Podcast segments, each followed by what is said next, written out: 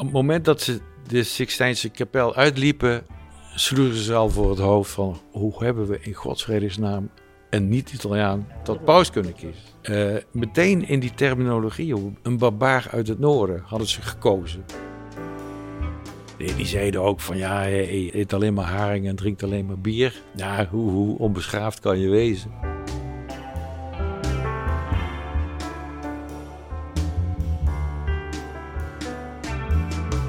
Die, die blote beelden, weet je, antieke beelden daar ook al. Die stond daar gewoon in de binnenhof. Niet lang daarvoor was dat allemaal in de Rome uit de grond gehaald. En Adrianus, die moest elke dag langs en die hang er maar een doekje voor. Maar de fabel dat hij bijvoorbeeld de Sixtijnse kapel met al die blote beelden uh, wit heeft laten kalken, dat is nooit bewezen.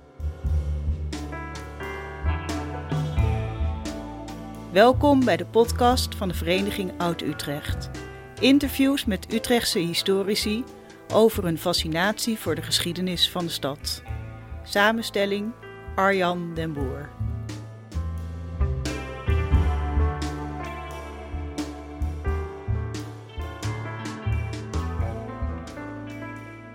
Welkom bij uh, de nieuwe podcast van Oud Utrecht, de eerste van het jaar 2022. En ook deze editie komt vanuit Paushuizen.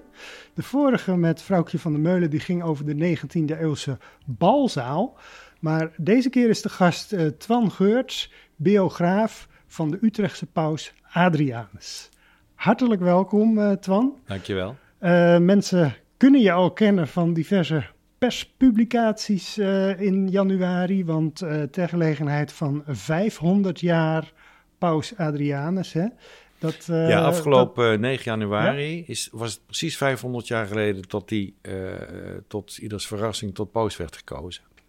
Ja, tot mijn verbazing spreekt dat jaartal kennelijk ontzettend tot de verbeelding. Dus ik heb al een aardig wat praatprogramma's gezeten.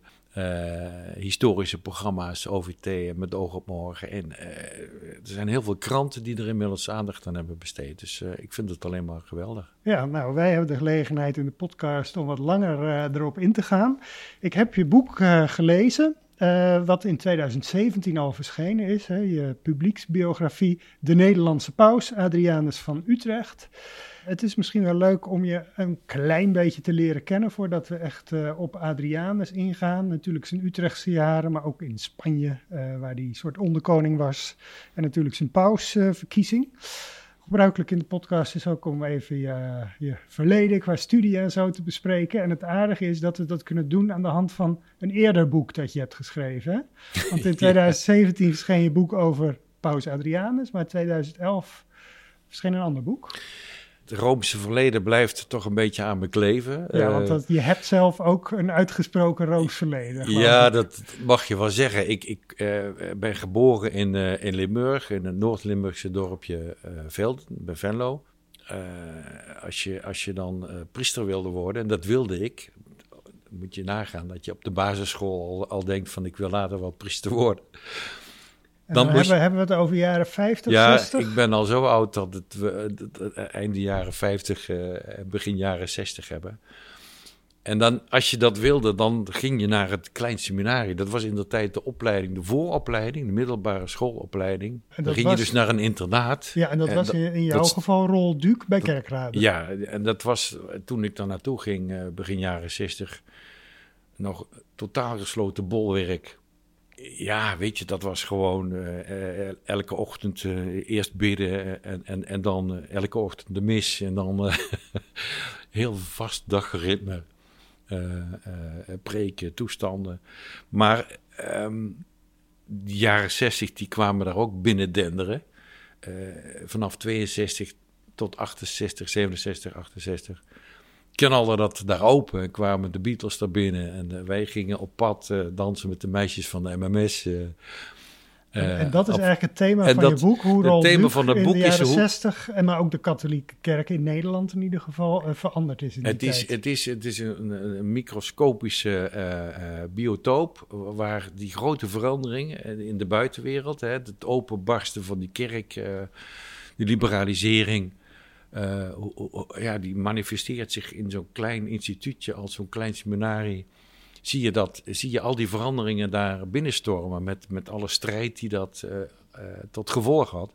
Iedereen wilde vrijheid en uh, wij wilden liberale boeken lezen en niemand geloofde in de derde of de vierde klas nog in, in, God. En, Was het zo en de snel kerk, gegaan? Ja, dat, dat, dat is het, het, het interessante van die periode, dat, dat geloof, dat verdampte waar je bij stond. En die verandering heeft kennelijk ook bij jou zelf plaatsgevonden, want je bent geen priester geworden. Nee, nee, ik, ik ben, ja, ik, ik ben altijd wel gevoelig gebleven voor, uh, voor, voor de Roomse romantiek, zou ik maar zeggen. En het hele theatrale gebeuren eromheen. Maar ik, ik, ik, ik ben wel een criticus van de kerk en het hele instituut. Ja. Uh, maar intussen ben ik ook wel altijd ontzettend geïnteresseerd gebleven in de geschiedenis van de kerk. En, uh, en zo ben ik ook bij die pauze uh, terechtgekomen. Ja, ik heb dus zelfs daarna nog, heb ik nog theologie gestudeerd. Moet je nagaan. Waar was dat? Dat was in Tilburg. Maar die, die theologische opleidingen in die tijd, ja, die waren ook al ontzettend geliberaliseerd. Een beetje geradicaliseerd zelfs. Uh, linksig geworden inmiddels. Hè? Absoluut, ja. ja. Als, ik het, als, als het toen had bestaan, dan, had ik, was ik godsdienstwetenschappen gaan doen. Dat zou ik nu nog weer uh, doen. Ik vind het een ontzettend boeiend onderwerp. Hoe het komt dat mensen zo precies weten wat ze moeten geloven en, en dat ze daar zo radicaal uh, aan vasthouden. Dat boeit me nog steeds. Ehm, ja. En uiteindelijk heb je met uh, beroepsmatig met die studie, als ik het goed heb begrepen, weinig gedaan. Nee, ik ben tijdens mijn studie in Tilburg ben ik gaan schrijven voor het universiteitsblad. Dus dan ben ik in de journalistiek terechtgekomen. En vanuit Tilburg ben ik, uh, heb ik uiteindelijk de overstap gemaakt naar de afdeling communicatie van de Universiteit in Utrecht. Ja. Ben ik in 1990 gaan werken. Toen heette het nog voorlichter en later communicatieadviseur geworden ja. van de universiteit. En toen het schrijven van, uh, van boeken opgepakt uh, de afgelopen ja, tien jaar. Uh. Ja, precies. Voor wij verder gaan om het over de inhoud van je boek en het leven van Adrianus te hebben, is het goed om even te beschrijven waar we zitten. We zitten in de Adrianus Salon van Paushuizen. Zeer toepasselijk. Hier hangen vier hele grote schilderijen met scènes uit het leven van Adrianus. En het is wel vrij bekend hoor, maar we moeten even goed duidelijk zeggen dat Adrianus zelf hier niet heeft gewoond. Hè? Nee, um, hij uh, was op een gegeven moment uh, naar Spanje gestuurd door Karel van Habsburg. Ja, Karel de Vijfde Karel de, uh, later keizer ja, Karel de Vijfde. We komen zo nog wel op hem, maar goed, hij was in Spanje. hij was in Spanje en hij wilde dolgraag terugkomen naar Utrecht. Want hij, hij verlangde naar een studieus leven met zijn leerlingen en zijn studenten. en liet in 1517 hier in Utrecht op de, op de uh, resten van een oud stadsklooster dit geweldige uh, gebouw uh, neerzetten. De grootste toen, de grootste privéresidentie van de stad Utrecht. Um, maar het treurige is dat hij dat gebouw zelf nooit gezien heeft. Want voordat hij hier naartoe kon komen vanuit Spanje, werd hij onverwacht tot paus gekozen. En toen ging hij dood? Is hij naar Rome gegaan, is hij daar overleden. Dus hij heeft dat prachtige huis van hem nooit gezien. Nee, het enige voordeel is dat uh, door die naam die het kreeg hè, na zijn dood, Paushuis, dat iedereen, of althans veel mensen in Utrecht, toch wel vaaglijk weten. We hebben een, uh, een Utrechtse paus uh, gehad. Ja. Uh, deze ruimte die is dus naar hem genoemd, maar is die uiteraard dus ook niet zelf geweest. Maar die vier hele grote uh, schilderijen uit zijn leven. Uh, die, die komen, als ik het wel heb, uit het huis, uit de school. Die is gebouwd, de Adrianusschool. die is gebouwd op de plek waar het geboortehuis van Adrianus heeft gestaan. Juist, dus op de, de hoek van de Oude Gracht, de Brandsteeg, Brandstraat. Uh, dat oorspronkelijke woonhuis is er niet meer. Er is later dus een school neergezet. En die hebben ze wel genoemd naar Adrianus. Ja. Maar deze schilderijen die zijn uit de 18e eeuw. Dus dat ja. is drie eeuwen na dato. Precies. We liepen net even te kijken. Hè? Uh, en dan zitten er ook wel historische foutjes uh, Ja, in. er zitten wel wat incongruenties in. die de schilder zich heeft gepermitteerd. Uh, ja, het zijn bijna een soort, soort stripachtige scènes, uh, ja. als je het zo ziet. Hè? Maar we hebben het dan over de tijd van na de Reformatie. Uh, en toen werden er toch kennelijk dit soort grote schilderijen nog in Utrecht van hem gemaakt. Ja, dat is wel bijzonder. Kijk, je kan zeggen dat, dat de, de Utrechters ontzettend blij waren op het moment dat Adrianus tot paus werd gekozen. En toen was er een groot feest in de stad. En vuur op de, op de bruggen. En, uh, en vatenbier voor de winnaars van het mooiste vuur in de stad. En daarna is Adrianus ook in zijn eigen stad eigenlijk aardig in de vergetelheid geraakt. Ja, maar toch in de 18e eeuw weer even naar boven gehaald. Ja, zoals ook in de 18e eeuw een Utrechtse uh, ambtenaar het initiatief heeft genomen om alles wat hij bij elkaar kon uh, scharrelen over Adrianus van Utrecht bij elkaar te, te brengen in een, in een boek. Casper Buurman 1727 heb ik op mijn velletje gezet. Die bedoel je. Dus, ja. dus en, dat, was, dat lag niet voor de hand. Het was een uh, protestants, overwegend protestants. Uh, Want die buurman was ook protestants. Ja, dus die maar die vond, die, die, vond die geschiedenis van Adrianus wel zo interessant dat hij de moeite heeft gedaan om dat bij elkaar te brengen. Ik, volgens mij denk, danken we daar ook nog het bewaren van een aantal interessante publicaties uh, aan. En ook jouw boek heeft daar gebruik van gemaakt, van die, uh, van die bronnen van Buurman. Jazeker. Bijvoorbeeld de, de, de, de, de, het reisverslag van Adrianus, die in, in Spanje zit als die wordt gekozen. En vervolgens bijna een half jaar lang onderweg is om van Noord-Spanje naar Rome te komen. Maar ook, ook college-dictaten van Adrianus en andere documenten over het leven van Adrianus heeft hij bij elkaar gebracht. En ik denk dat dat een hele mooie daad is geweest. Ja, en daar heb jij ook gebruik van kunnen maken. Ja, je hebt voor je boek, uh, schrijf je er ook in, nadrukkelijk gekozen om een uh, publieksbiografie te schrijven en geen nieuw archiefonderzoek zelf te doen. Want in de loop der jaren is er heel veel uh, onderzoek gedaan naar fragmenten uit zijn leven of dingen die aan zijn leven raken. Er zijn wetenschappelijke artikelen over gepubliceerd. Ja. Zelfs wat andere biografieën. Maar uh, jouw beoordeling was van dat moet eigenlijk voor een breed publiek eens een keer in één boek samengebracht worden. Ja, ik, ik had uh, een, een, een, een, paar hele goede wetenschappers die mij adviseerden bij het schrijven van het boek. Onder andere Peter Nissen, bekende kerkhistoricus, die zelf ooit het plan had uh, opgevat om dat te doen. En ik ben ook bij hem op bezoek geweest, of hij me wilde helpen. En hij zei van, hier heb je een archief. Hij had net dat boek over Rolduc gelezen, daar was hij laaiend enthousiast over. En hij zei van, ga jij dat boek over de Nederlandse paus schrijven? Maar ik zou, als ik jou was, niet eindeloos in de archieven in het Vaticaan. Er is al heel veel gebeurd. Ook vrij recent nog. Uh, in 2010 nog een heel uitgebreid uh, tijdschrift van het Nederlands Instituut in Rome. Helemaal gewijd aan Adrianus. Met een hoop nieuwe inzichten. Uh, maar dat was dan nooit bij elkaar gebracht in een, in een, doorlopende, toegankelijke, leesbare biografie. Dat was mijn opdracht. Ik heb nog even overwogen om er een proefschrift van te maken. Maar die wetenschappers, diezelfde wetenschappers, die zeiden van Twan, ga nou lekker schrijven, jongen. Ja. Dat is wat je goed kan. Dus dat ben ik toen ook maar Nou ja, het leest inderdaad als een trein. Hè. Er staat ook uh, zo'n aanbeveling uh, van Trouw, staat er op het kaft van de derde druk. Leest als een spannend jongensboek. Klopt het een beetje, ja? Nou, jongensboek vind ik wel een beetje overdreven. Maar ja. het, het, leest wel, wel heel makkelijk weg. Terwijl er mm. toch veel heel veel feiten in staan. Dus aan de andere kant vond ik het ook wel overweldigend. Ja, ja. Uh, hè, al die uh, plekken waar die terecht komt, gaan we het zo over hebben. Maar in, in Spanje allemaal nieuwe termen en plaatsnamen die toch, toch opduiken. Maar inderdaad, mm. het, uh, het leest in een relatief korte tijd kan je het boek boek tot je nemen. Dus daar ja. ben je zeker in geslaagd. Het is ook goed ontvangen hè, in 2000. Ja, zeker, absoluut. Ja, dus heeft toen ook veel aandacht gehad. Uh, ja, ik heb dat boek niet echt geschreven om nou eens even, uh, om die paus nou eens even de aandacht te geven die hij verdiende. Ik was echt serieus vooral geïnteresseerd in dat maffe verhaal van, van die krantenjongen die miljonair wordt, de Timmermanszoon die paus van Rome wordt. ja, nou laten we daar eens op doorgaan. De ja, Timmermanszoon die paus in Rome wordt, dat ja. is altijd het uh, mooie verhaal wat ook hier in Utrecht verteld wordt. Maar dat is, schrijf je ook duidelijk in je boek, uh, dat is ook een beetje mythevorming over die Timmermanszoon. En dat is zelfs gemodelleerd naar Jozef, de vader van Jezus. Uh.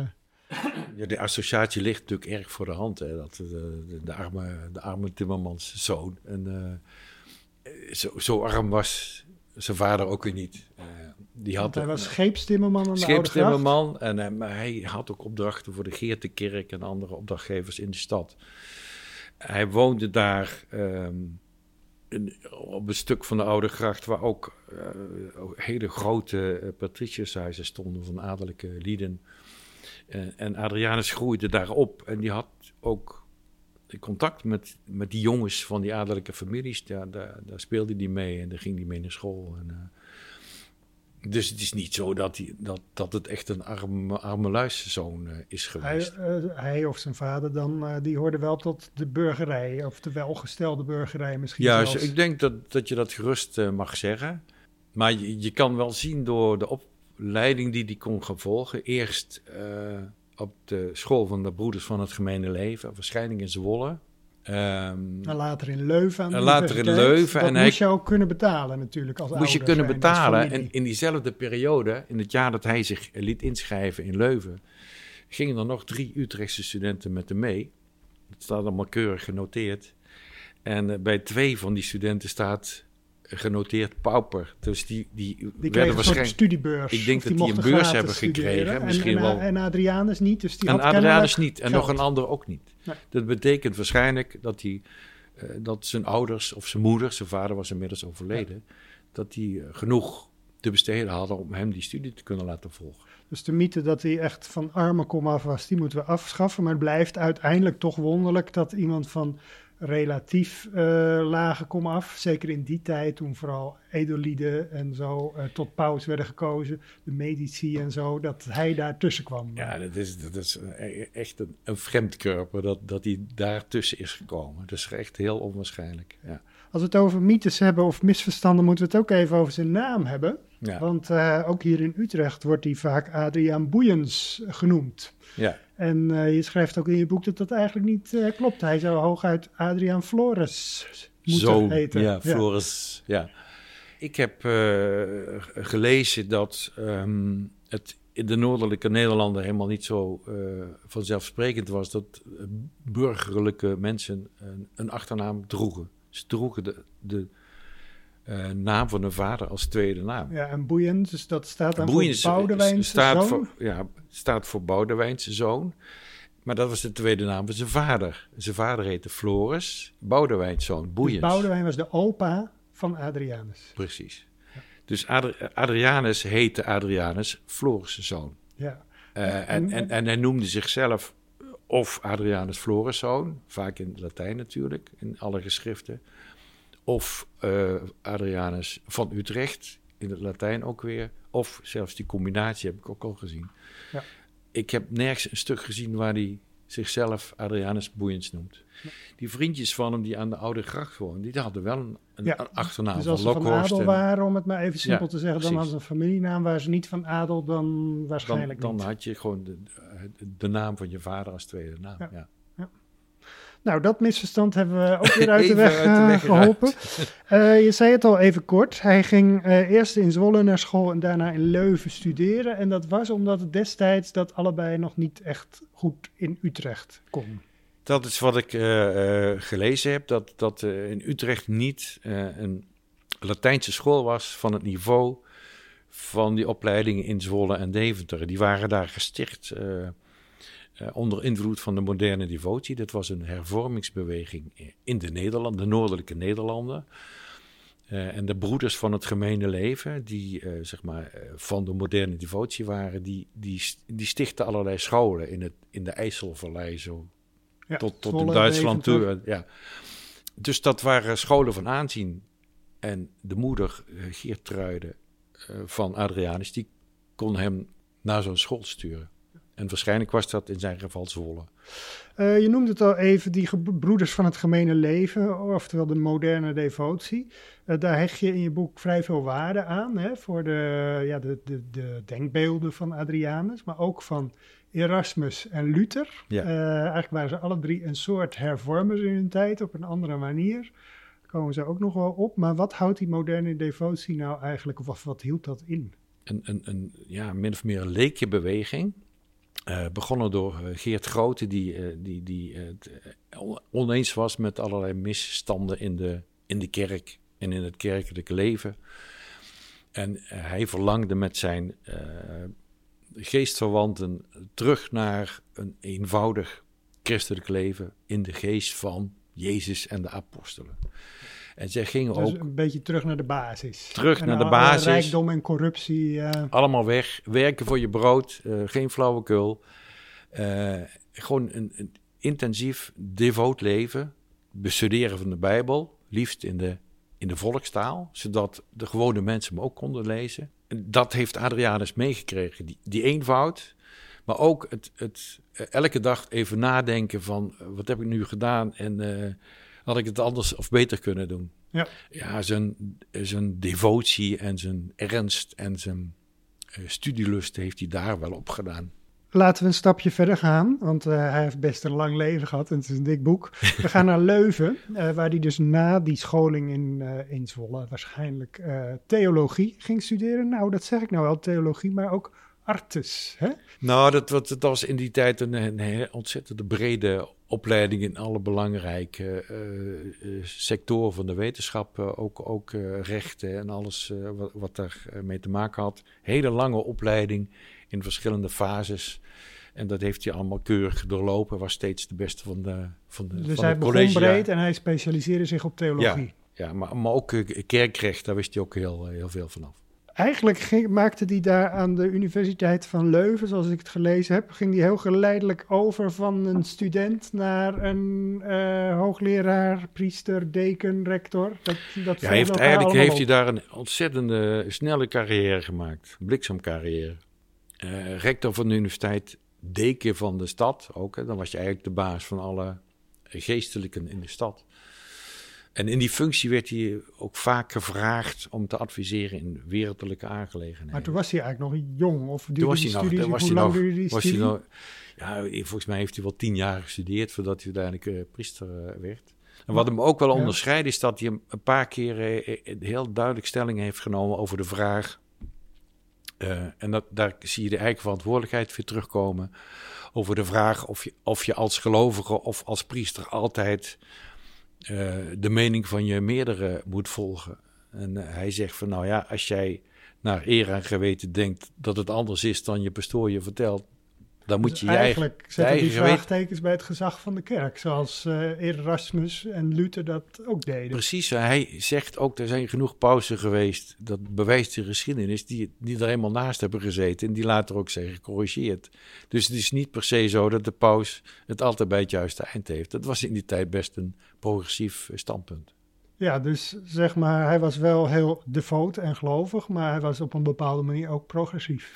Hij was in elk geval kritisch over, over de kerkleiding. En dat was hij al vrij snel. En hij vond ook al vrij snel dat, uh, ja, dat, dat dat kerkelijke leven... dat dat gewoon niet de devotie had die hij ervan verwachtte. Alle, alle priesters waren getrouwd. Uh, ja, daar moeten we het ook even over dat hebben. Dat is een verhaal apart natuurlijk. Nou ja, ja, inderdaad. Want ik las dat uh, gewoon veel priesters... een soort toeslag betaalden, een boete eigenlijk... om dan ondanks het celibaat, toch maar, uh, toch maar een, concubine, concubine te hebben. Ja. ja. Ja, dat was het systeem gewoon. Dat was het verdienmodel van de kerk op een gegeven moment. Ja, dus hoe meer zonde, hoe meer geld voor de kerk binnenkwam. Ja, dus daar, daar kocht je gewoon je zonde mee af. Dat was, in wezen is dat ook de, de, de kern van de, van de klacht van Luther, even later. Uh, dat je gewoon je zielenhel kan kopen. Nou, over Luther, eh, daar, daar, daar raakt eh, Adrianus uiteindelijk toch mee in conflict, want die gaat veel te ver hè, naar mm. zijn uh, zin, maar dat komt later pas als die, als die pauze is. Erasmus, die kwam wel ook uh, langs in Leuven. Die is daar ook, is die daar nou student of docent geweest? Nou, er wordt vaak gezegd dat die student was van, van Adrianus. Dat is niet zo. Hij, hij, hij, hij had al een zekere reputatie, kwam die aan in Leuven. En Adrianus was lang niet zo liberaal en humanistisch en renaissancistisch als Erasmus toen al was. Maar die zag wel het grote potentieel van die jonge eh, man. En die deelde ook de weerstand tegen de misstanden in de kerk. Absoluut, ja, ja. We hebben het uh, nu even over de theologie gehad. Nu gaan we weer naar de wereldlijke carrière van, uh, van Adrianus. Hè. Ik denk toch relatief onbekend, zeker in, uh, in Utrecht.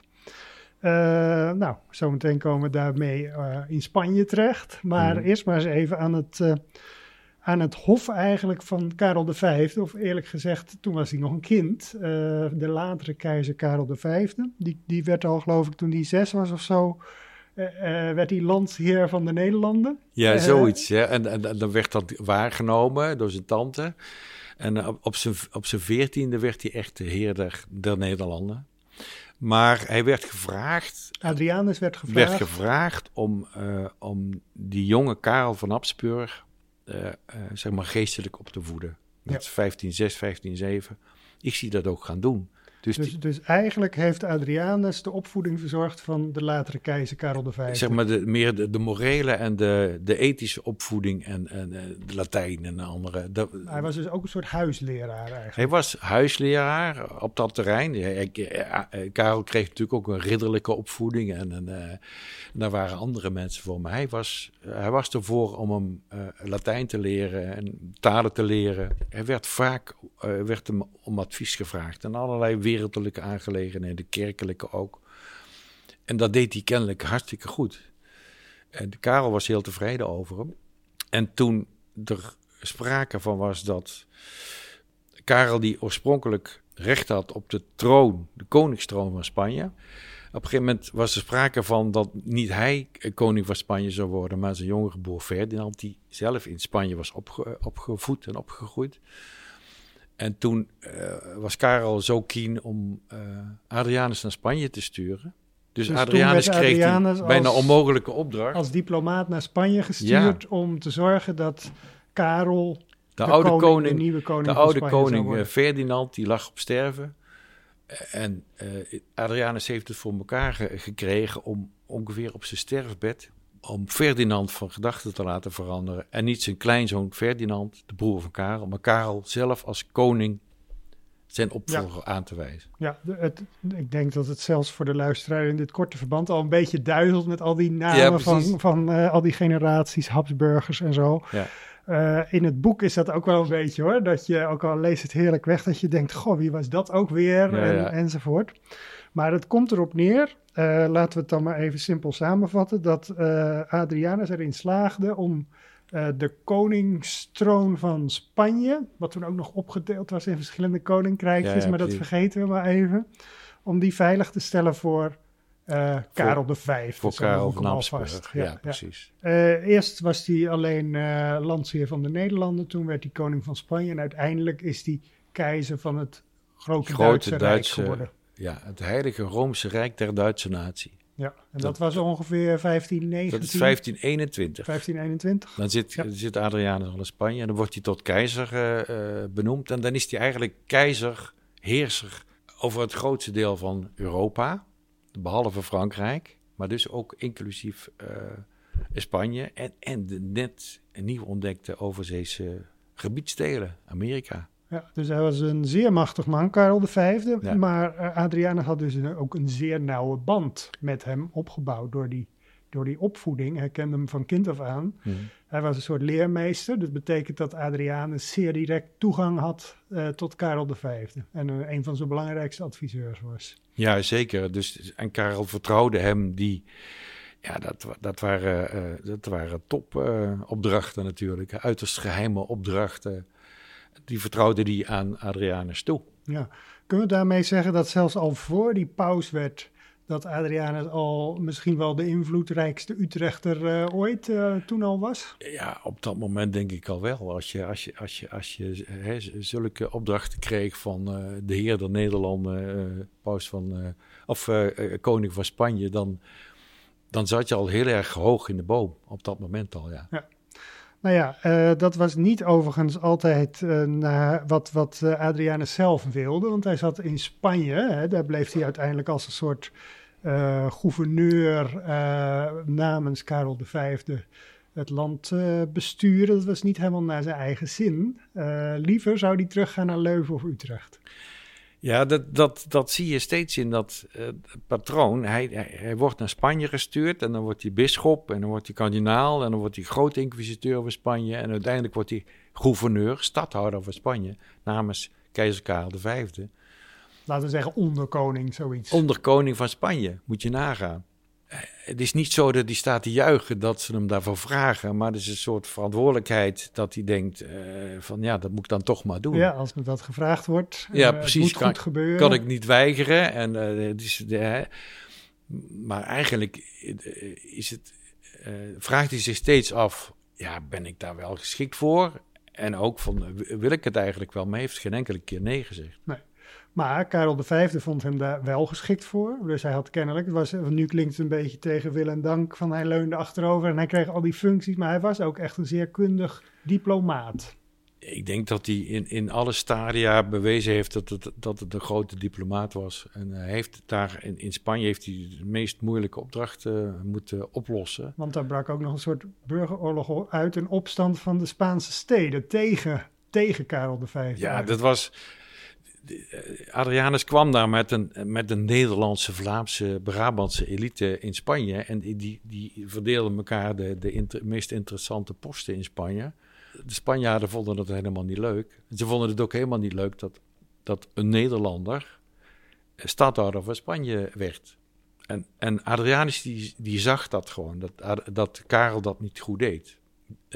dus die riep ook meteen, ik wil graag naast mij één of twee Spanjaarden als medestadhouders. Gewoon om draagvlak te creëren. Draagvlak te creëren bij, uh, de, bij de adelen, bij de edelen, uh, bij de boeren en bij de burgers. Maar die, die, die, die, die onvrede over het beleid van uh, Karel V, die ook opeens een ontzettende belasting ging heffen.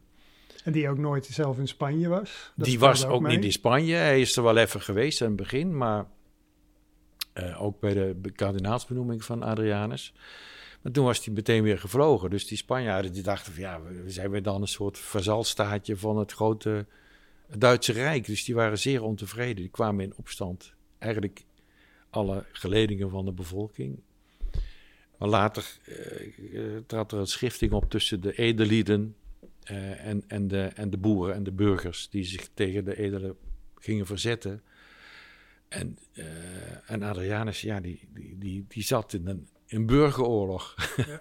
moet je je voorstellen. Ja, met echt uh, eigen legers aansturen en zo. Hij was ook een soort, nou, veldheer is misschien te veel gezegd. Nee, maar hij had echt met concrete oorlogssituaties nou, Je ziet hem een paar keer in, hè, dan, dan, dan, uh, dan ontstaat er een strijd tussen de boeren en de burgers. met met de, de edelen die aan de kant van Adrianus komen. En dan stormt hij gewoon zo'n legertent binnen en zegt je, nu gaan we aanvallen. We kunnen niet langer wachten, weet je. Dan, dan, is, dan is deze priester, leraar, staat opeens te roepen... Aanvallen. Nu ten aanvallen, al, ten aanval, anders dan uh, missen we onze kans. En uh, ik vind dat wel heel erg interessant om dat te lezen. Ja. Nou, zei je net ook al, hij was ook groot inquisiteur. Nou, de Spaanse inquisitie heeft niet zo'n goede naam uh, hier in Nederland. Door uh, wat er, uh, nou ja, tijdens de noem maar 80-jarige oorlog Alva en zo plaatsvond. Spaanse inquisitie, bijna spreekwoordelijk, hè? bloeddorstig. martelingen. martelingen, keihard. Um, Adrianus stapte natuurlijk, die werd eh, daarvoor eh, benoemd. En die stapte natuurlijk in zo'n apparaat dat er al was. Maar die moesten eigenlijk het moest... vroomheid afdwingen bij de bevolking. Nou, zeg maar, uh, hij moest uh, het, uh, het anders denken dan het, dan het katholieke denken, moest hij uitraderen, zou ik maar zeggen.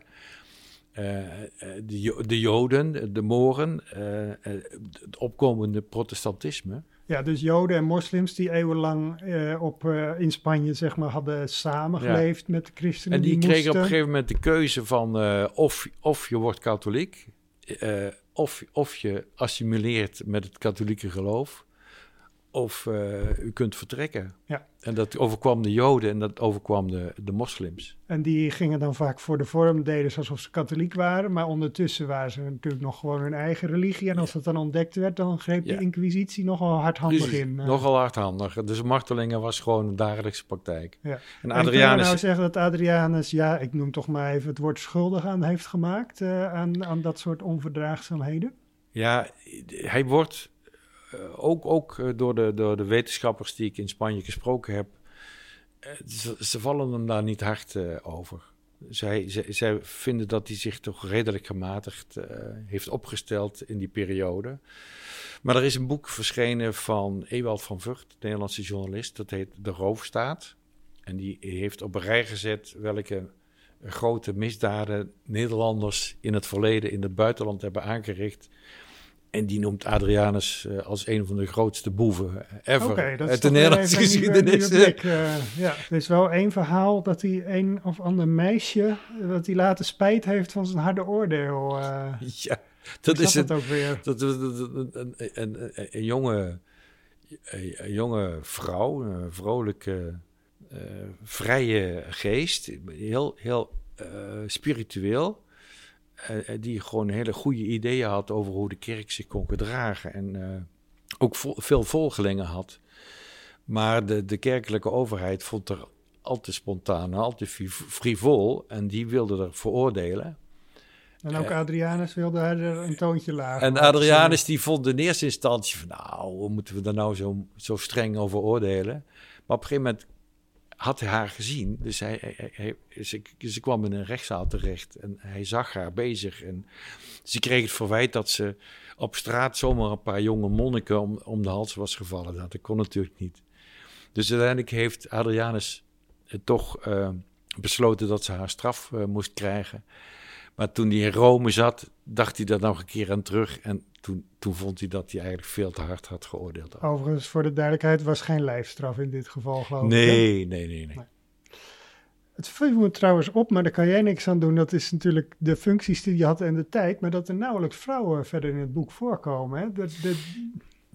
De, kerk was hoe dan ook een, een mannenaangelegenheid. Een, een van de meest intrigerende vrouwen in het boek dat is, dat is de moeder van Karel. Ja, die zit een soort van gevangen. Weet je ook weer? Johanna, Johanna de Waanzinnige? De Waanzinnige. Dat is een fantastisch verhaal. Dat was de moeder van Karel eh, van Habsburg. En die zat in Spanje en die is, in een paleis opgesloten. En die, is, die, die heeft... Uh, die is op de, toen Karel zes was, is zij met haar man naar Spanje gegaan. Haar man is daar overleden. En zij is waanzinnig geworden. Ook omdat hij... Uh, er allerlei andere vrouwen op nahield.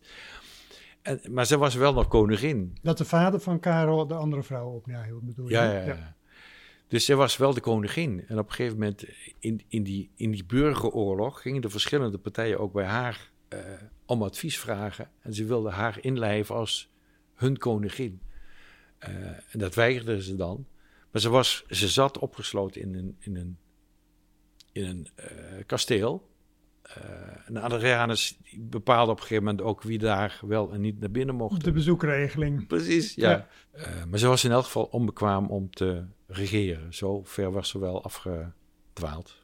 Ja, nou wij zijn in zekere zin ook een beetje afgedwaald van Utrecht naar, uh, naar Spanje. Dus ik kan me ook voorstellen dat luisteraars denken, goh, waar zijn we inmiddels? Maar even daarom een klein stapje terug naar Utrecht, want daar had Adrianus ondertussen, terwijl hij deze internationale carrière maakte, daar kreeg hij toch een aantal functies. Hè, als kanunnik van de Dom en mm. uh, proost van de Sint-Salvatorkerk.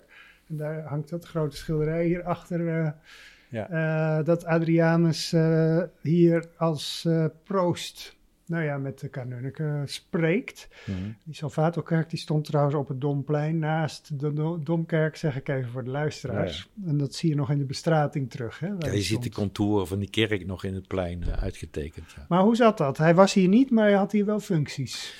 Dat was een van de, van de klachten uh, over de, over de uh, Rooms-Katholieke Kerk in die tijd. Dat je als prelaat drie, vier, vijf functies tegelijk kon hebben in verschillende steden door heel Europa.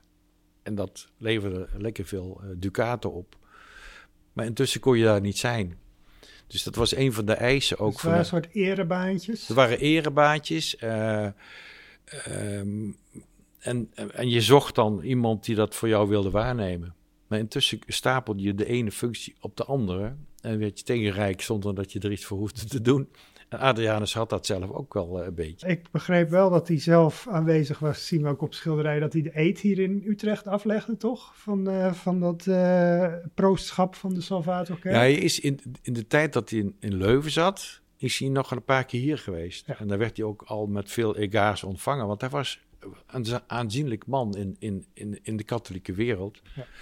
Maar daarna is die, is die er eigenlijk nooit meer geweest natuurlijk. Maar ik begreep wel uit je boek dat men toch ook hier in Utrecht wel wat aan hem had. In die zin van een netwerker op hoog niveau. Dus hij kon wel Utrechtse belangen behartigen. Nou, in Utrecht, elke kerk in Utrecht die, die, die zeg maar, uh, kon zeggen dat, dat ze Adrianus in het bestuur hadden. Uh, die, waren, die waren blij, want dat betekende gewoon invloed in de Nederlanden, maar ook zeg maar later uh, in, in, in Europa. Dus ze ja, waren apen, de vijfde. En, ze waren apen trots ja. dat, dat die Utrechter uh, hun vertegenwoordigde in dat grote rijk.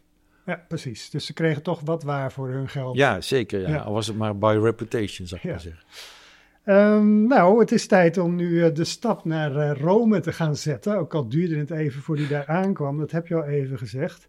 Nou, op 8 januari 1522 uh, werd Adrianus een soort van onverwachts tot paus gekozen. Hij was zelf niet eens aanwezig in Rome. Waarom koos men Adrianus? Dat is een hele goede vraag. Omdat ze er in Rome niet uitkwamen. Ze zaten daar al wekenlang in conclaaf. Uh, de ene stemming na de andere. Uh, het was eind december. Het, was koud daar. Uh, in de Sixtijnse kapel? Sixtijnse kapel. En dan, daar hadden ze veertig hokjes getimmerd waar, waar, waar ze dan moesten overnachten. Dus die bleven gewoon in die ruimte.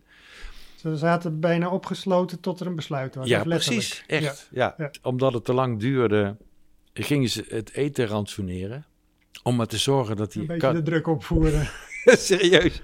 Om te zorgen dat ze er een beetje op zouden schieten. En, en een van de redenen dat ze er niet uitkwamen... was dat de, de grote tegenstelling tussen uh, Karel V, het, het, het Duits, Rooms-Duitse Rijk en Frankrijk enorm speelde. Dat, hè? dat, dus... dat, het was gewoon schaken op uh, geo geopolitiek schaakspel daar in het Vaticaan. Ja, want wij denken nu, ja, de paus die gaat alleen maar over geloofszaken, maar het was ook gewoon een wereldlijke Paus was in die dagen een, een machtige Europese vorst. Die, die ook een grote pauselijke staat uh, vertegenwoordigde. Zeg maar heel midden-Italië viel onder de ja, pauselijke staat. En de paus uh, van Rome was ook de paus van het Duitse Rijk, zou ik maar zeggen. Dus alle vorsten wilden in het gevlei komen bij de paus van Rome en wilden daar invloed. Dus daar was hun heel veel aan gelegen om de, de, de, de keuze van de nieuwe paus als opvolger van Leo X in hun voordeel uh, te beïnvloeden. Ja, en Leo X was onverwachts overleden, dus het was allemaal ook een beetje paniek. Was het was goed echt, voorbereid. Het was echt paniek. Uh, en uh, de staatskas was helemaal leeggeroofd en iedereen was in paniek. Er moest snel een nieuwe paus komen. Ze konden dus geen kandidaat vinden uit het midden die twee derde meerderheid kon krijgen. En toen riep de aanvankelijk beoogde de Medici, kardinaal, de, de, neef van de vorige paus, die riep, als we dan eens dus kardinaal... Adrianus uit de hooghoed als een soort neutrale Absoluut. tussenoplossing. Ja, terwijl hij natuurlijk niet neutraal was, was, hij was in dienst van de Duitse keizer, maar goed. Ja, hoe kon dat dan dat het toch acceptabel was voor die Frans gezinde kardinaal? Ze, ze wouden er gewoon vanaf. Uh, en hij had een goede reputatie als theoloog. Uh, hij had een goede reputatie als bestuurder in Spanje. Hij was 63, dus hij, als hij paus zou worden, dan zou hij niet zo lang meer volhouden. Dat, was, echt een tussenpauze eigenlijk. hij werd meteen als tussenpauze gezien ja. en als een compromiskandidaat. Nou, toen was er witte rook, hè? Mocht toen was er eindelijk, eindelijk naar buiten. Rook. Maar ze schrokken eigenlijk zelf een beetje van wat ze gedaan uh, hadden, volgens mij. Op het moment dat ze de Sixtijnse kapel uitliepen, sloegen ze al voor het hoofd van... hoe hebben we in godsvredesnaam een niet-Italiaan want dat, was, dat was nieuw althans, dat was heel lang niet Dat gebeurd. was heel lang niet gebeurd. Uh, meteen in die terminologie, een barbaar uit het noorden, hadden ze gekozen.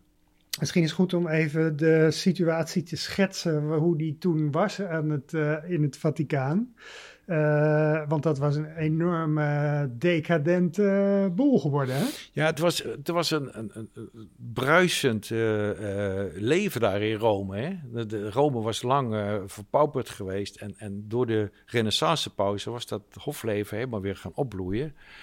Dus dat had ook zijn geweldige kanten. Ja, dus eh, de goede kant, om het maar even zo te zeggen, was dat er heel veel aandacht was voor de, de antieke cultuur, uh, de, kunst. De, nieuwe, de nieuwe wetenschappen, de, de kunst. Uh, Michelangelo, Michelangelo, Raphaël, noem ze maar op. Ja, die liepen daar rond. Sint-Pieter werd gebouwd. Sint-Pieter werd opgebouwd.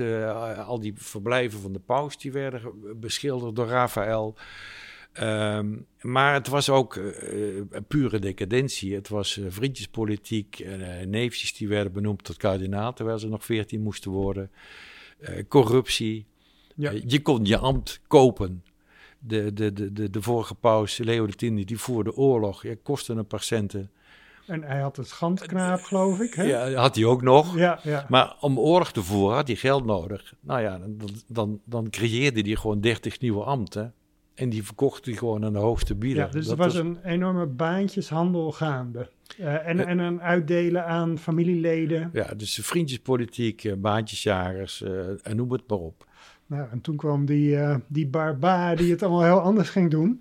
Maar dat duurde even voor die er was. Want het duurde sowieso al een paar weken voor die het zelf wist. Hè? Hmm. De post ging nog niet zo snel, kennelijk. Nee. nee dus er moest een, een, een, een, een gezant uh, over land uh, in de winter daarheen. Van dus Italië duurde, naar Spanje. Dus dat duurde weken voordat Adrianus zelf te horen kreeg dat ze hem gekozen en, hadden. En ik las dat ze het hier in Utrecht, in Utrecht eerder wisten. Ja, want dan, want, dan hij zelf een, in Spanje. Een, een, een, Utrechter aan het hof van Karel. Die, Karel kreeg een brief van uh, meester Adrianus is, is paus geworden. En die Utrechter die zat erbij, erbij en die schreef een brief naar de stad Utrecht van uh, jongens, heb je het gehoord? Uh, Adrianus is paus geworden en toen brak hier het feest los. Hier brak het feest los en hij wist nog van niks. En daar wist eigenlijk nog, nog officieel in elk geval nog van niks. Nee, hij heeft hier heel lang ook op zitten wachten uh, hè, voor er officieel bericht kwam. Toen uiteindelijk besloten om zelf op pad te gaan naar Rome. Hmm. En dat duurde zeven maanden ja. voor die daar aankwam. Hoe, hoe, hoe kan dat? Want zelfs toen, als je ging lopen, was je er nog sneller. Maar het, het werd een hele. Nou, je had eerst maanden nodig om. Um, het was een gevaarlijke reis. Eerst over land, hè, Spanje, Noord-Spanje naar uh, Barcelona. En vervolgens moest hij een zeereis maken van Barcelona naar, naar Rome. En dat kon hij niet doen zonder een leger. Uh, en hij moest een vloot formeren. Maar hij verbleef ook nog een langere tijd op allerlei tussenstations. Uh, in nou, op een gegeven moment is hij is die onderweg in Spanje en dan komt hij aan in Zaragoza. En daar besluit hij van ik moet hier even halt houden. Om goed na te denken over hoe ik die functie ga invullen. En daar ontving hij al uh, alle ambassadeurs van alle vorstenhoven in Europa. Die kwamen daar bij hem op audiëntie een beetje slijmen, uh, zodat hij in, in, hun voordeel zou, zou besluiten. Maar hij besluit onmiddellijk van ik ga niet, ik ga geen partij kiezen. Al wordt hij daar honderd keer uh, naar gevraagd. Hij gaat geen partij kiezen voor de Duitse keizer tegen de Franse koning. Hij besluit gewoon, ik, ik ben de paus, ik ben neutraal, ik ga niemand voortrekken. Um, uiteindelijk is er een soort, uh, soort intocht uh, in Rome. Was dat op een muil? Uh, ja, hij rijdt op een muilezel de stad in. Hij, hij wil het allemaal sober, sober houden. En er staan allemaal mensen langs de kant te juichen, dat, dat weer wel. Maar hij wil er ook vrij snel aan voorbij. Dat zie je steeds op die tocht. Ja, en je beschrijft ook toen hij daar eenmaal zich gevestigd had in het, in het Vaticaan, dan werd het van een, van een levendig koninklijk hof werd het meer een soort sober kloosterleven wat hij daar uh, ging leiden. Ja, dat, dat, dat, is, dat heeft een aantal oorzaken. Op de eerste plaats, daar, de pest is al uitgebroken in Rome. De, de, de Italiaanse kardinalen zijn als eerste, knijpen die hem ertussenuit. Die gaan op een buitenverblijven rondom de stad uh, wonen. Uh, Karel kan dan eigenlijk, of uh, Adrianus kan dan weinig doen. Maar die vorige paus Leo X, die heeft met zijn feest- en braspartij heeft hij de staatskas en zijn oorlogen heeft hij de staatskas volledig uitgeput. Dus er is geen, geen rode cent meer. Dus Adrianus is ook gedwongen om veel van die mensen die daar rondliepen, kunstenaars, wetenschappers, weg te sturen. Dus hij moest eigenlijk schoon schip maken, deels gedwongen door gebrek aan geld en deels ook omdat hij ja, hervormer wilde zijn. Omdat hij ook vond, het moet hier soberder, het, we kunnen niet zoveel geld uitgeven, het is er niet, maar ik heb het er ook niet voor over. Hij wil het allemaal heel simpel houden. Ja, en hij had een Nederlandse huishoudster. Ja, dus, ja precies, ja. Dus hij, hij, hij doet het eigenlijk met een, met een, een team van, uh, van drie, vier mensen. Ja. Kwam zij uit Utrecht of weet je dat Dat weet ik niet. Dat, dat ben ik, heb ik niet kunnen achterhalen. Het zou ontzettend leuk uh, zijn, ja. ja. Ja, Maar hij, eigenlijk omgeeft hij zich daar met, met de entourage die hij kent uit Utrecht en, uh, en uit Vlaanderen en Brabant. En dat vonden de Italianen natuurlijk allemaal niks. Zowel die versobering als dat er uh, allemaal Nederlanders en Vlamingen uh, het voor te zeggen kregen. Nee, dat vonden ze helemaal niet leuk. Nee, maar want ook, dat ook omdat Adrianus zich schok zijn geweest. Hè, hij, hij verliet zich ook veel te veel op die groep uh, Nederlanders. Uh, maar het was ook wel uh, echt een cultuurschok in die zin dat uh, volgens sommigen hij inderdaad als een barbaar te werk ging, met name uh, die renaissance kunst, waarbij de kunst van de oud, oudheid weer werd hergewaardeerd, dat vond hij allemaal maar niks eigenlijk. Ja, die, uh, die, die blote beelden, weet je, de, de, alles, wat, daar was het allemaal net daarop gegraven. Hè? Die, die, die prachtige antieke beelden, de Laocoon, die stond daar gewoon in de Binnenhof. Wat nu nog in het Vaticaans Museum staat. Er, staat er nu nog die aan, collectie. dat was, niet lang daarvoor was dat allemaal in de Rome uit de grond gehaald. En dat stond daar in de, in de, in de Belvedere, de, de, de tuin van het Vaticaan. En Adrianus, die moest er elke dag langs en die hang er maar een doekje voor. maar de fabel dat hij bijvoorbeeld de Sixtijnse kapel met al die blote beelden uh, wit heeft laten kalken, dat is nooit bewezen. Dus het is ook wel een beetje beeldvorming, omdat hij een negatief imago had bij die uh, Italianen, dat hij echt een cultuurbarbaar was, die ja. ook weer niet. Uh. Nee, die zeiden ook van ja, hij, hij, de, de, man eet alleen maar haring en drinkt alleen maar bier. dat was voor hun. Ja, ja hoe, hoe, onbeschaafd kan je wezen? Ja, ja. Dus, dus, dus hij had toch wel oog voor kunst en cultuur, maar het moest wel zo religieus mogelijk zijn. Het moest religieus zijn en daarom vroeg hij uh, later ook uh, een aantal grote kunstenaars uh, terug aan het hof. Want die Sint-Pietersbasiliek was nog lang niet afgebouwd. Maar we moeten zeker ook even een uh, andere Utrechter noemen, althans die ook lang in Utrecht heeft gewoond, Jan van Scorel, ja. uh, de kunstenaar, de schilder, die ja, eigenlijk toevallig in Rome was, hè, op terugweg uit, uh, uit Jeruzalem. Ja, hij was op, op bedevaart naar Jeruzalem, maar op de terugweg kwam hij langs Rome. En Raphaël was al vertrokken, de schilder Raphaël, die was hoofd van de, de kunstafdeling van het Vaticaan. En Adrianus vroeg Jan van Scorel of hij die functie wilde overnemen. Ja, Heeft dus Jan gedaan. van Scorel is eigenlijk, om het maar even in eigen tijdse termen te zeggen, directeur van het Vaticaans Museum uh, geweest. Zoiets, ja. En hij heeft ook uh, portretten van uh, Adrianus, de enige denk ik die er zijn. Dit portret heeft hij gemaakt. Ja, wat voor op je boek staat. Ja, precies. het origineel is niet meer bewaard, dus we hebben alleen maar kopieën daarvan. Maar ik, ik, het is wel een mooie schilderij. Van Scorel was een, een hele goede schilder die als een van de eerste daar in Italië, zeg maar, de, de nieuwe schilderkunst had ontdekt. En dat heeft hij ook mee ja, teruggenomen naar Utrecht. Naar Utrecht uh, ja, hij had zijn atelier, uh, uh, zeg maar, bij de Sinte Marie, geloof ik. Ja, en verder heeft Adrianus zich dus ingezet als, als hervormer van nou ja, al die, die baantjes, kliek en die corruptie en die overdaad. Maar dat is niet helemaal gelukt. Want hij kon geen draagvlak. Uh, nee, hij creëren. kon geen draagvlak creëren. De, de, tijd was ook te kort. Dus, dus Rome was gewoon nog. Ja, die, die waren dat, dat rijke hofleven gewend. En die hadden helemaal geen zin om ineens uh, terug naar af. Uh, in alle soberheid. Dus, dus de, de, de elite. De priesterlijke elite daar in het Vaticaan was, was er gewoon niet aan toe om, om, om al terug te schroeven. Ondanks de opkomst van Luther. Uh, dat was bij zijn benoeming nog niet eens zo voorzien, denk ik. Uh... Nee, de, de, de, vorige paus Leo X had, had Luther inmiddels geëxcommuniceerd. Maar ze dachten dat daarmee wel. Maar je dacht van ja, dat is, hebben we vaker gehad, hè? Van die, van die, zo'n ketter. Uh, zo'n ketter, excommunicatie, daar zijn we er vanaf. Die onderschatten dat gevaar.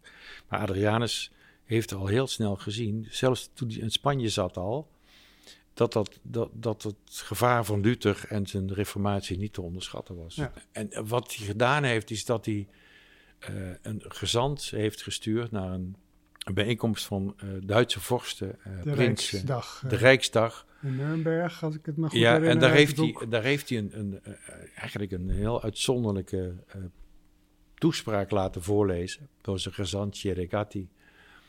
eh, waarin hij openlijk voor het eerst de geschiedenis van de kerk eh, zijn excuses aanbiedt voor eh, de misdragingen van de kerk. Dat, en hij zegt, ja, dat, de kerk is ziek in het hoofd. Dat is helemaal afgegleden naar de ledematen.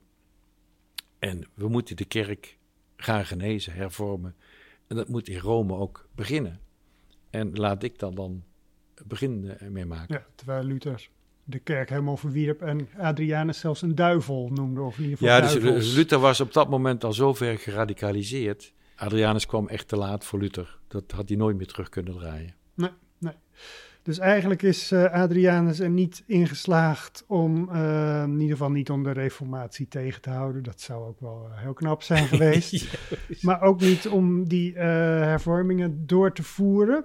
Eh, en wat ook niet is gelukt, het begint een beetje tragisch te worden, is hij wilde vrede onder de christelijke vorsten eh, bereiken. Dus met name Frankrijk, eh, Duitsland Mhm. samenbrengen. Om samen zich te kunnen verdedigen tegen de Turkse sultan. Hè? Want dat speelde toen enorm.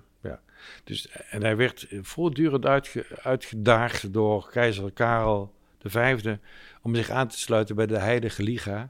Eh, dus tegen Frankrijk. tegen Frankrijk. En hij heeft dat tot het aller, allerlaatste moment heeft hij dat gewoon niet willen doen om de neutraliteit te bewaren en om te zorgen dat die Europese vorsten samen zouden optrekken tegen de moslimlegers van Sultan Suleiman. Ja, want die trokken helemaal op tot, eh, wat was het, eh, hebben in- Rodos en Eh, de de Balkan. Rodos eh, hadden ze overgenomen. Ze stonden voor de poorten van Wenen, eh, Belgrado. Dus dat, dat was een, groot, eh, groot gevaar. En Adrianus zag dat en, en die riep steeds maar... jongens, we moeten samen optrekken in een soort laatste kruistocht misschien wel... om dat gevaar te bezweren. Maar dat kreeg hij dus niet voor elkaar. Nee, en ook die Dat was- neutraliteit kon hij niet volhouden, omdat de Fransen uiteindelijk Noord-Italië binnenvielen. Ja, en die Fransen die hadden hem ook verraden. Dus eh, uiteindelijk is het, in zijn allerlaatste dagen heeft, heeft hij zich aangesloten bij die eh, heilige liga. Ja, dus bij Duitsland eigenlijk. Bij Duitsland. Karel V, dus een, zijn Ja. leerling. ja. Precies, ja. Dus te- tegen Frankrijk, ja. ja. dat, dat Ehm, was een grote teleurstelling. Zeg maar, het feit dat hij dat hij Luther niet eh, kon sensibiliseren, dat hij Erasmus niet zover kon krijgen om hem te helpen in de strijd tegen eh, Luther. Ook dat hij die Europese vorsten niet bij elkaar kon krijgen. En ook dat hij die hervormingen niet voor elkaar kreeg. Ja, dus ja. dat is, dat is al, op alle fronten mislukte het eigenlijk. Ja, dus wat dat betreft eh, is het geen eh, verhaal met een happy end. Zeker niet, omdat hij natuurlijk zo vroeg. Nou ja, hij was al best wel op leeftijd voor die tijd, maar hij is na binnen twee jaar is hij dood gegaan. Heeft effectief maar een jaar eh, in, in, in Rome gezeten. Dus, en in die tijd heeft hij niet veel voor elkaar gekregen. Eh, hij is niet aan de pest overleden, hoewel de pest daar eh, heerste. Eh, hij heeft aan allerlei koortsen geleden. En het leuke is, of het interessante van jouw boek, is dat je een aantal medici hebt gevraagd. Om er nog eens naar te kijken, naar wat er beschreven is over zijn ziektebeeld. Want er zijn heel snel geruchten ontstaan over vergiftiging. Wat helemaal niet zo gek was, want dat gebeurde ook vaak in die Ja, tijd. dat, dat, dat, bij die, die, die vorige pauze wa- was dat ook meteen het vermoeden dat, dat Leo X dat hij vergiftigd was. En bij Adrianus dachten ze dat ook. En, ehm, Ook omdat hij blauw uitsloeg of zo. Ja, hij lag opgebaard in de, in de, in de Sint-Pieter. En eh, dat, dat, dat lichaam begon wel heel graag eh, te zwellen en, en, en eh, paarsblauw uit te slaan. En, en de wachters rondom zijn, eh, eh, rondom zijn eh, kist, die, die vonden dat heel erg verdacht. Dus die hebben er expliciet nog op gevraagd, extra lijkschouwer erbij gehaald. En dat hele ziekteproces, die beschrijving daarvan, en ook die autopsie, hè, die, die, die artsen die gaan aan de slag, die onder, onderzoeken dat hele lichaam van top tot teen. En die zeggen, we kunnen eigenlijk niks geks vinden. Maar dat is allemaal heel precies opgetekend. En dat heb ik voorgelegd aan een aantal wetenschappers. Ja, waaronder de inmiddels eh, bij iedereen bekende en bij sommigen misschien zelfs beruchte Jaap van Dissel. eh. Ja, precies. Nou, ik had gehoord dat hij dat hij in staat zou moeten zijn als, als wetenschapper en deskundige viroloog om dat soort ziekteprocessen te bekijken en te beoordelen. En, en, hij, en, wat was hun conclusie van hij heeft, hij heeft het over een nierbekkenontsteking en bloedvergiftiging. Uh, maar hij sluit, net als een aantal andere onder, onderzoekers, wetenschappers van de Universiteit Utrecht, meer in de pathologische hoek. En die zeggen ook van ja, het is heel onwaarschijnlijk dat het vergiftiging is geweest. Oké, ze sluiten het niet helemaal uit, maar wel bijna. Nee, maar heel onwaarschijnlijk. Oké, nou laten we het Maar ze zeggen van, we moeten eigenlijk op zoek uh, naar het graf. En dan gaan we die botten uit het graf. En dan, als we en die dat, onderzoeken... dat heb je nog niet voor elkaar gekregen. het volgende project. Uh, ja. Maar hij is, hij is uiteindelijk verplaatst uh, naar de Duitse kerk hè, in Rome. Precies. En daar zou je dus uh, dat Daar zouden we dan naartoe moeten en dan het, die dek slopen. Maar laten we even de balans opmaken. Dat hebben we eigenlijk al een beetje gedaan. Dat hij toch uiteindelijk veel dingen, dingen mislukt zijn. Maar hij heeft nog wel uh, eigenlijk de aanzet gegeven tot de contra-reformatie. Dus een soort ja, dat van is... hervorming ook op basis van zijn denkbeelden. Ja, dus, dus de, de, de hervorming die hij daar wil inzetten, die op dat moment te vroeg komt die is later wel opgepikt uh, door de katholieke kerk als reactie ook op de reformatie. De, de, de, kerk komt tot de conclusie dat, het, dat ze het zo niet kunnen laten voortmodderen. Dat ze zelf toch ook wel aan een reformatie en aan een grote hervorming toe is. En dan krijg je in 1545 het uh, concilie van, uh, van Trente. Dan zie je dat veel van die theologische leerlingen van Adrianus achter de schermen heel veel invloed hebben gehad op dat concilie van Trente. En dat veel van die hervormingsvoorstellen uiteindelijk toch hun beslag, dat heeft allemaal heel lang geduurd. Ja. De concilie heeft lang geduurd. En voordat het dan praktijk wordt in de parochies dus in de hervormingen van Adrianus, onder andere dat je maar één functie kreeg, dat is Al uiteindelijk allemaal wel ja, doorgevoerd. Ook, ook, geen vrouw meer, uh, geen stapeling van functies, uh, geen vriendjespolitiek meer. Dus uh, na zijn dood heeft hij toch nog wat voor elkaar gekregen? Nou ja, die reputatie heeft hij inmiddels wel gekregen. En het is ook zo dat heilige paus Franciscus in een internationale persconferentie, dat ze vroegen van waarom hij die naam van Franciscus had gekozen. Toen zei hij van, ik heb nog even geaarzeld of ik op advies van een collega-kardinaal, of ik me Adrianus moest noemen. Want die, die bevriende collega die zei, we hebben een hervormer nodig ja. als paus. Is het geen idee dat je jezelf In die zin is de huidige paus verwant aan Adrianus. Ja, dus die, ook die, 500 jaar later is die verwantschap er wel nog. En hij heeft dus ook in Rome de, de reputatie van een hervormingspaus. Overigens staat hier op het tafeltje tegenover ons uh, de foto van de enige paus die wel hier in uh, Paushuizen is geweest. Uh, hoe heette die ook weer? De Poolse paus. Ja, Wojtyla. En dat is, dat is de eerste paus, niet Italiaanse paus, die er is benoemd. Want het was zo slecht bevallen. ja. Ja. Dus de vier, uh, hoe heette die ook weer? Johannes Paulus de tweede. De tweede, ja, Wojtyla. Ja, die, ja. En, en, die is, uh, als ik het wel heb, 78 uh, eh, benoemd. Dat was dus de eerste niet-Italiaanse paus na Adrianus die gekozen ja, werd. Er zat bijna 500 jaar tussen. Ja, precies. 450 jaar. En uh, die is hier in 85, geloof ik, in Utrecht op bezoek geweest. Hè? Het ja. uh, destijds ook omstreden uh, pausbezoek. Ja, precies. Maar die is toen hier dus ook in het paushuizen geweest. ja, ja, ja. dit jaar, en daar gaan we mee eindigen natuurlijk, is dus het Adrianusjaar, waarin we 500 jaar paus Adrianus herdenken. En daar ben je ook deels bij betrokken. Wat kunnen we in Utrecht nog verwachten aan in elk geval een kleine tentoonstelling in Museum Katerijnenconvent. Als ik het wel heb, begin juni tot uh, ergens in november. Dat wordt geen enorme tentoonstelling, maar uh, een, kleine fijne tentoonstelling uh, die zich vooral richt op Adrianus en Utrecht. Ja, en daar werk je ook aan mee? Ja, daar werk ik aan mee. En we hebben een fantastisch document opgeduikeld uit het Ut Utrechts archief. Dat is een, een bul zo'n enorm perkamenten uh, papier dat Adrianus naar Utrecht stuurde toen hij net was aangekomen in Rome als paus. Een paar dagen nadat hij was geïnstalleerd, schrijft hij, we moeten dat nog helemaal gaan ontcijferen, het is allemaal in Latijn natuurlijk. Maar wel zo'n prachtig groot zegel. Waarschijnlijk een van de eerste keren dat hij dat gebruikte, een groot zegel van Paus Adrianus. Uh, over de, zoals hij dat noemt, de domfabriek. Dus dat zijn uitspraken of een advies of een oordeel wat hij uitspreekt over het beleid van de Domkerk. Dat moment in Utrecht. Vijf, Dat is natuurlijk heel uh, mooi, mooi document. Ja. ja. En uh, er is ook nog een symposium in de zomer. Hè? Er komt een symposium, ook in, in, samenwerking weer met het museum, maar ook met de bischopconferentie.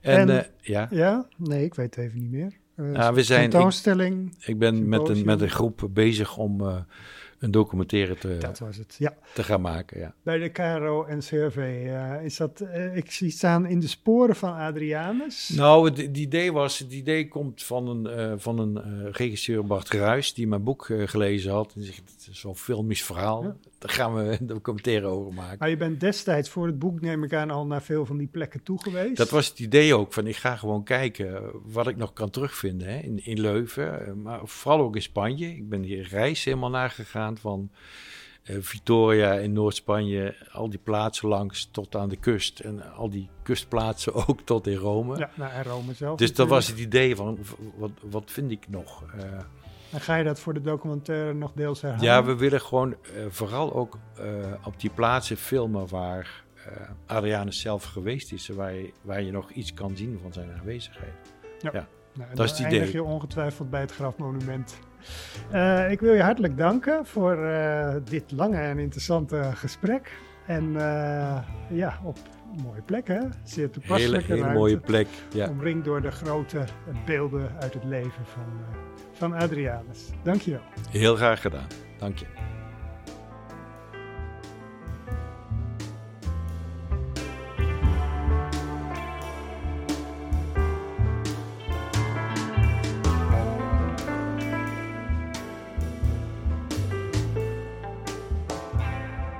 Je hebt geluisterd naar de historische podcast van de Vereniging Oud-Utrecht.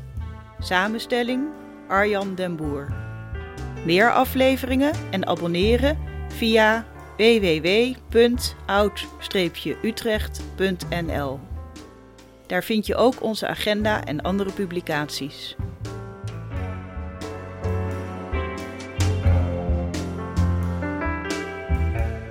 Wil je deze podcast steunen? Word dan lid van de Vereniging Oud-Utrecht en je ontvangt ook zes keer per jaar het tijdschrift Oud-Utrecht, het jaarboek en de uitnodigingen voor activiteiten. Meer informatie www.oud-utrecht.nl